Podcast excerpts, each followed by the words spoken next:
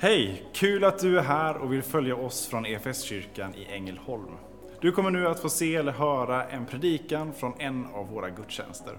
Har du några frågor eller vill veta mer om oss som kyrka så kan du alltid gå in på www.efskyrkan.info.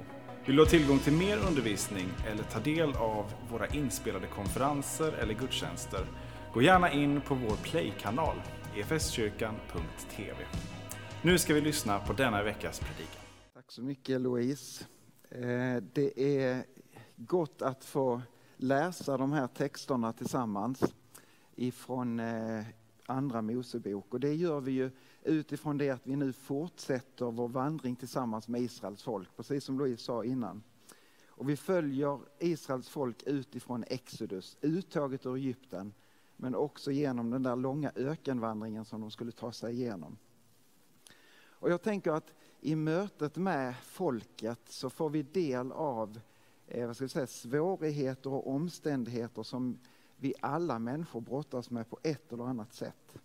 Men framför allt så får vi del av hur Gud har omsorg om folket, hur han leder dem och hjälper dem också genom svåra tider.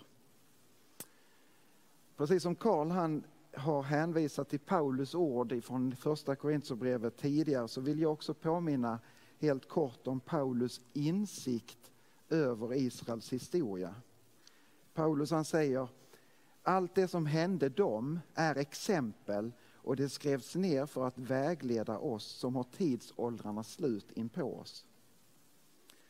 Därför är det av vikt och värde att stanna upp och påminna sig om och idag får vi stanna upp inför den här passagen som Louise läste ifrån Andra Mosebok 16, eller några stycken ifrån det kapitlet.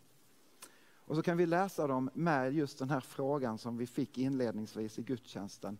Vad hungrar jag efter? Vad hungrar du efter? Eller vad längtar vi efter tillsammans? Och kanske också enskilt.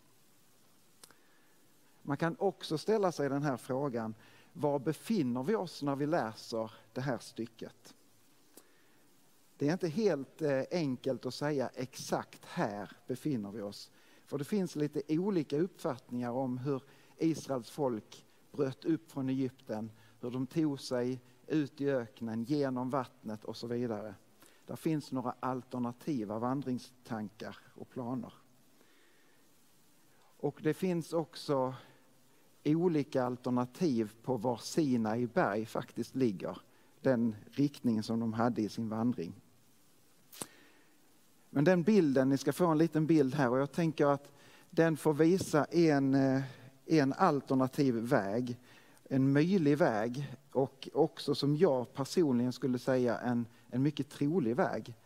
Och den bygger på, eller den bygger inte på, för det är inte bara en person som har den här tanken, men Lennart Möller, en som många av oss eh, kommer ihåg sen han var här och hade en bibelhelg, eh, skriver i sin bok The Exodus Case och pekar på faktiskt den här vägen. Nu tittar jag ner på skärmen här för det är där jag har kartbilden. Men hur Israels folk får lämna Egypten och ta sig över Sinai halvön eh, och på faktiskt vägen mot det som var, hade varit Mose hemland under 40 år när han levde liksom i, i landsflykt från Egypten i Midjans land.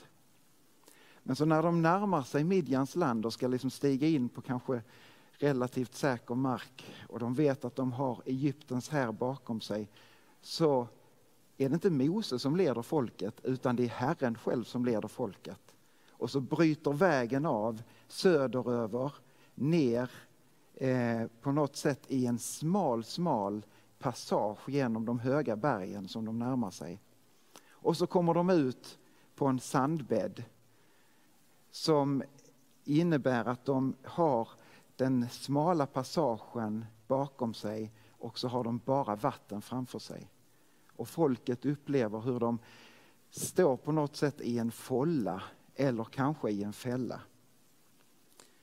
Och det var där som Karl förra söndagen stannade upp inför det där stora undret när folket faktiskt räddades genom att ledas genom vattnet. Hur Gud lät det här vatten som de hade framför sig som liksom låste inne dem i den här follan eller fällan. Och det var inte bara så att de fick bli ledda genom vattnet och räddas på det sättet utan också det som förföljde dem och det som var deras på något sätt fara. Det som var fara för deras liv på platsen eller det som ville förslava dem på nytt och sätta dem i, i fångenskap. Det låter Gud dränkas i samma vatten som de räddas igenom. Och kopplingen till dopet blir väldigt, väldigt tydlig i den här händelsen. Väl på andra sidan så brister Mose, Aron som får leda folket tillsammans med Miriam, deras lilla syster, tillsammans med hela folket får de brista ut i lovsång, tillbedjan och bekännelse. Mose uttrycker så här. Herren är min kraft och mitt värn.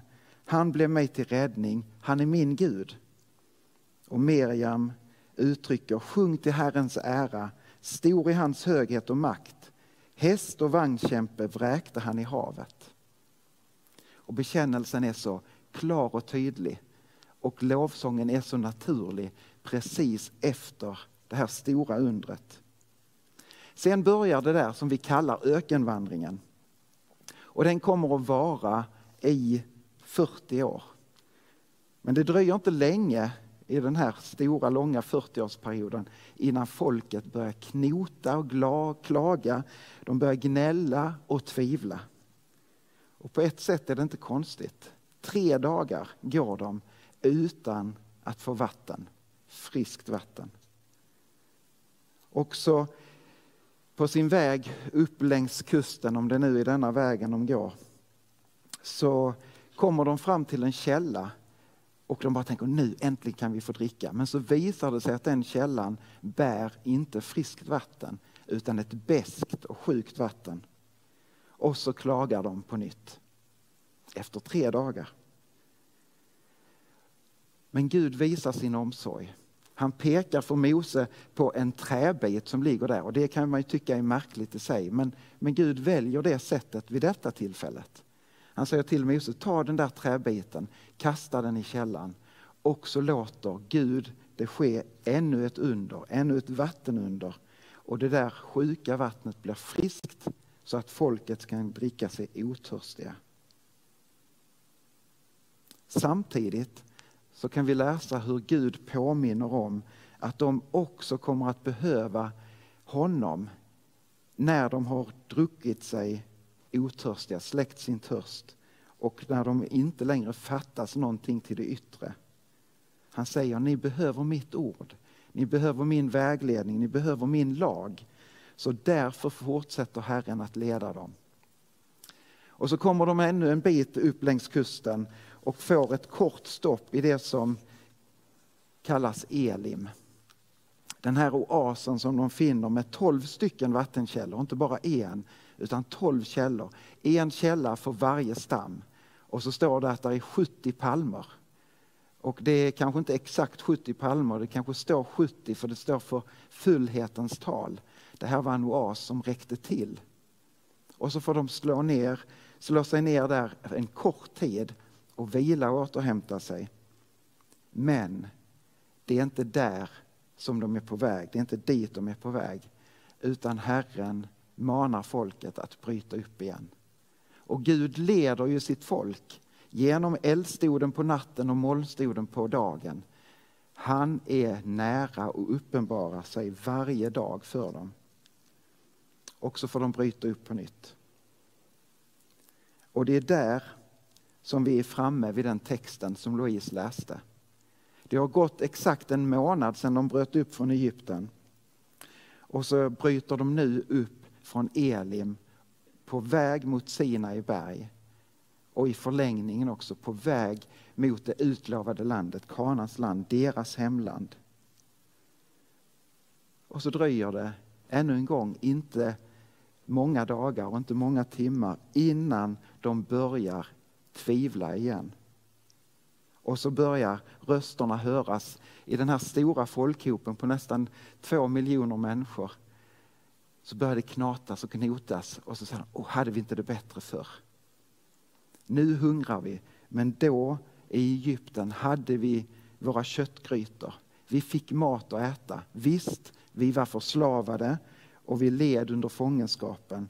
Men ändå hade vi inte det bättre då. Och så tappar de på nytt tilltron till att Herren har omsorg om dem.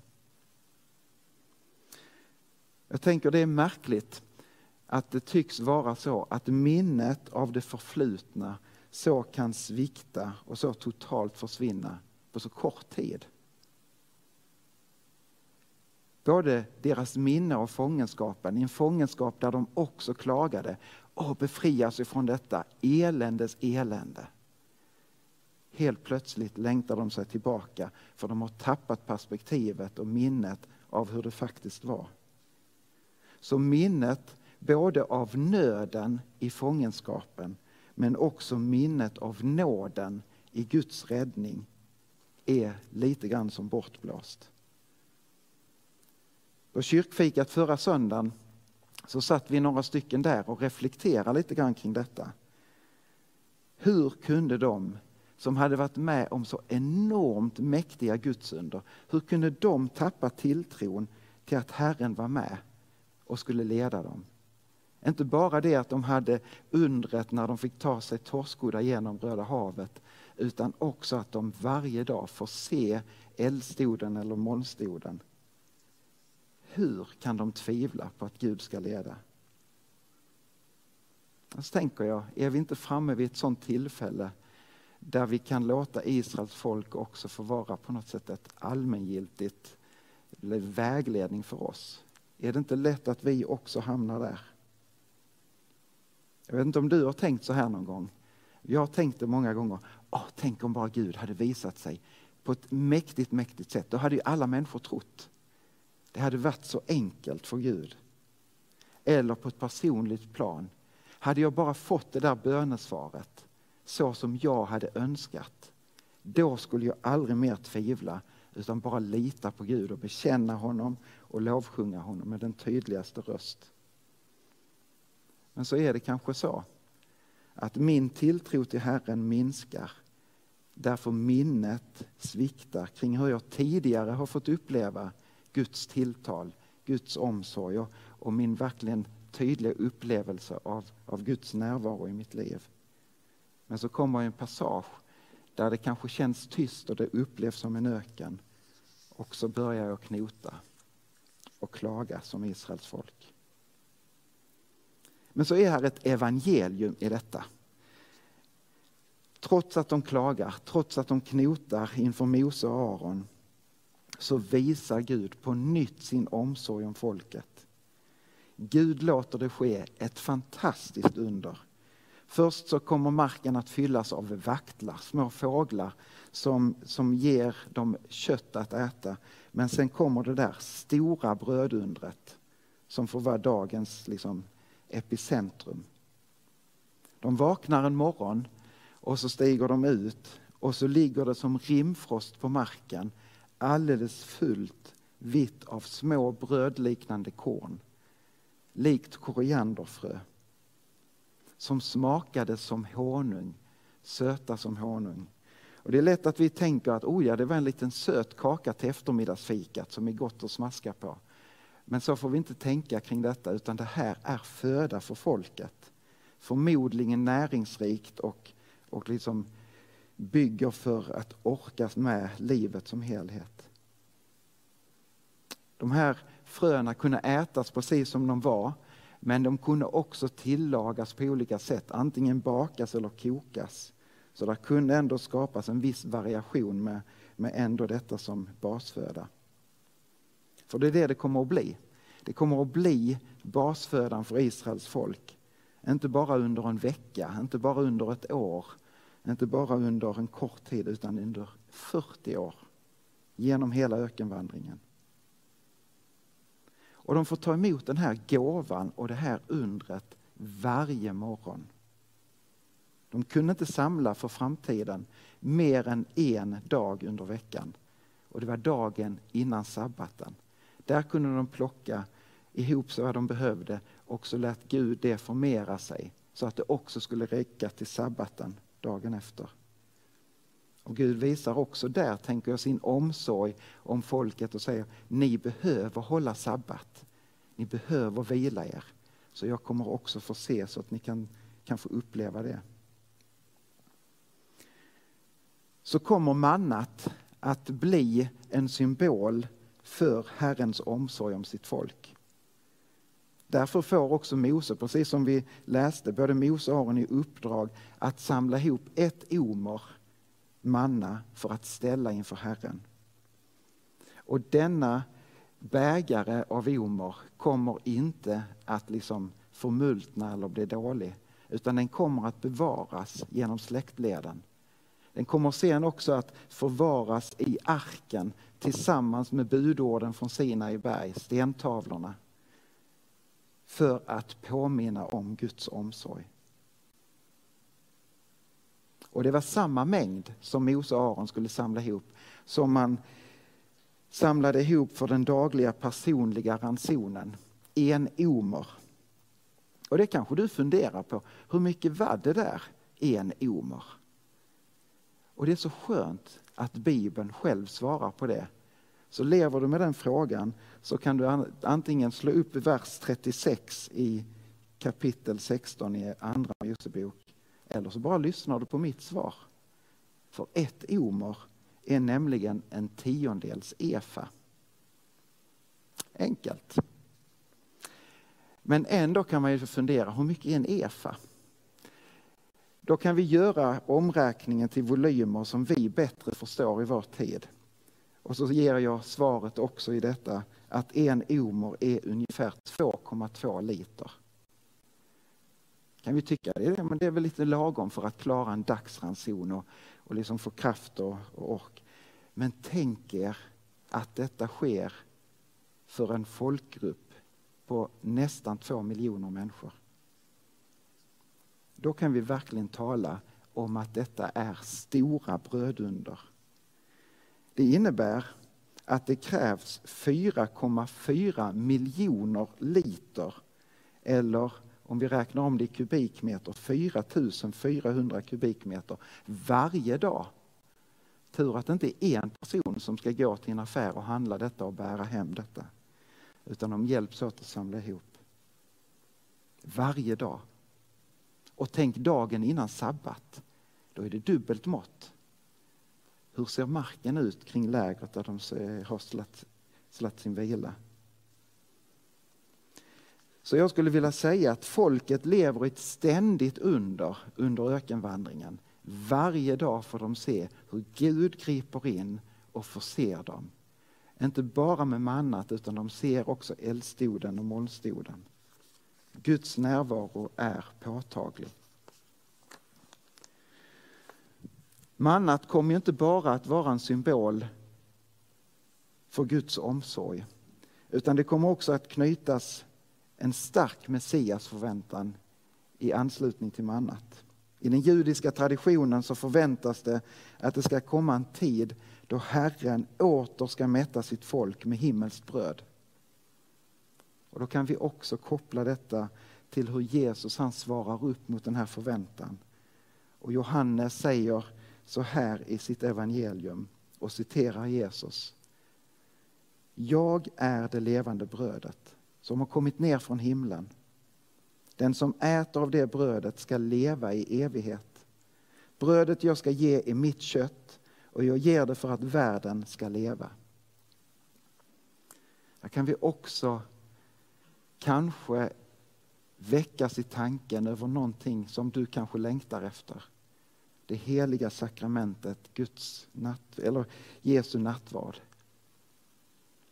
Kanske det är så att du nu har ett år bakom dig där vi tyvärr inte har kunnat mötas så som vi önskar och så som vi vill. Och nattvarden saknas oss. Det är inte bara gemenskapen, det är inte bara att få komma samman och lovsjunga och tillbe som fattas oss, utan också detta att få ta del av nattvarden, av bröd och vin, av Jesu kropp och blod. Och då skulle jag vilja säga till dig, ta tillfället i akt och hör av dig, antingen till mig eller Karl eller någon annan präst du har i din närhet. Skulle du kunna ordna så att vi får nattvarden? Du kan komma hit och avtala en tid, komma med din familj eller enskilt. Eller om vi kan göra ett tryggt hembesök så, så delar vi gärna mässan tillsammans med dig. Så ta tillfället i akt även under den här perioden. Så Jesus han svarar upp på detta. Jag är det levande brödet som har kommit ner från himlen. Men mannat symboliserar också Guds ord. Det ligger ju där tillsammans med, med ordet i arken. Och mannat står också där som en symbol för allt gott som utgår från Guds mun, som ger liv och näring, inte bara för kroppen utan för hela människan. Och även i detta kan vi lyssna på Johannes ord i inledningen av hans evangelium. I begynnelsen fanns ordet och ordet fanns hos Gud och ordet var Gud. Det fanns i begynnelsen hos Gud. Allt blev till genom det och utan det blev ingenting till av allt som finns till. I ordet var liv och livet var människornas ljus. Och ljuset lyser i mörkret och mörkret har inte övervunnit det. Och ordet blev människa och bodde ibland oss. Och vi såg hans härlighet, en härlighet som den enda sonen får av sin fader. Och han var fylld av nåd och sanning.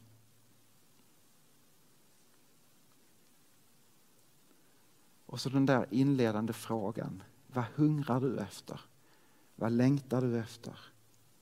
Är din hunger efter honom som är det levande brödet? Hungrar du efter Jesu ord in i ditt liv igen?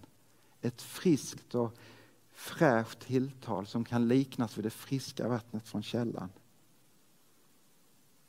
Lever du med den längtan så måste vi ändå alltid få fortsätta och påminna varandra om att även vi, precis som Israels folk levde i ett ständigt under, så lever du också i ett ständigt under. Du är räddad och du är frälst utifrån det som Jesus gjorde på korset när han dog och när han sen också uppstod för oss.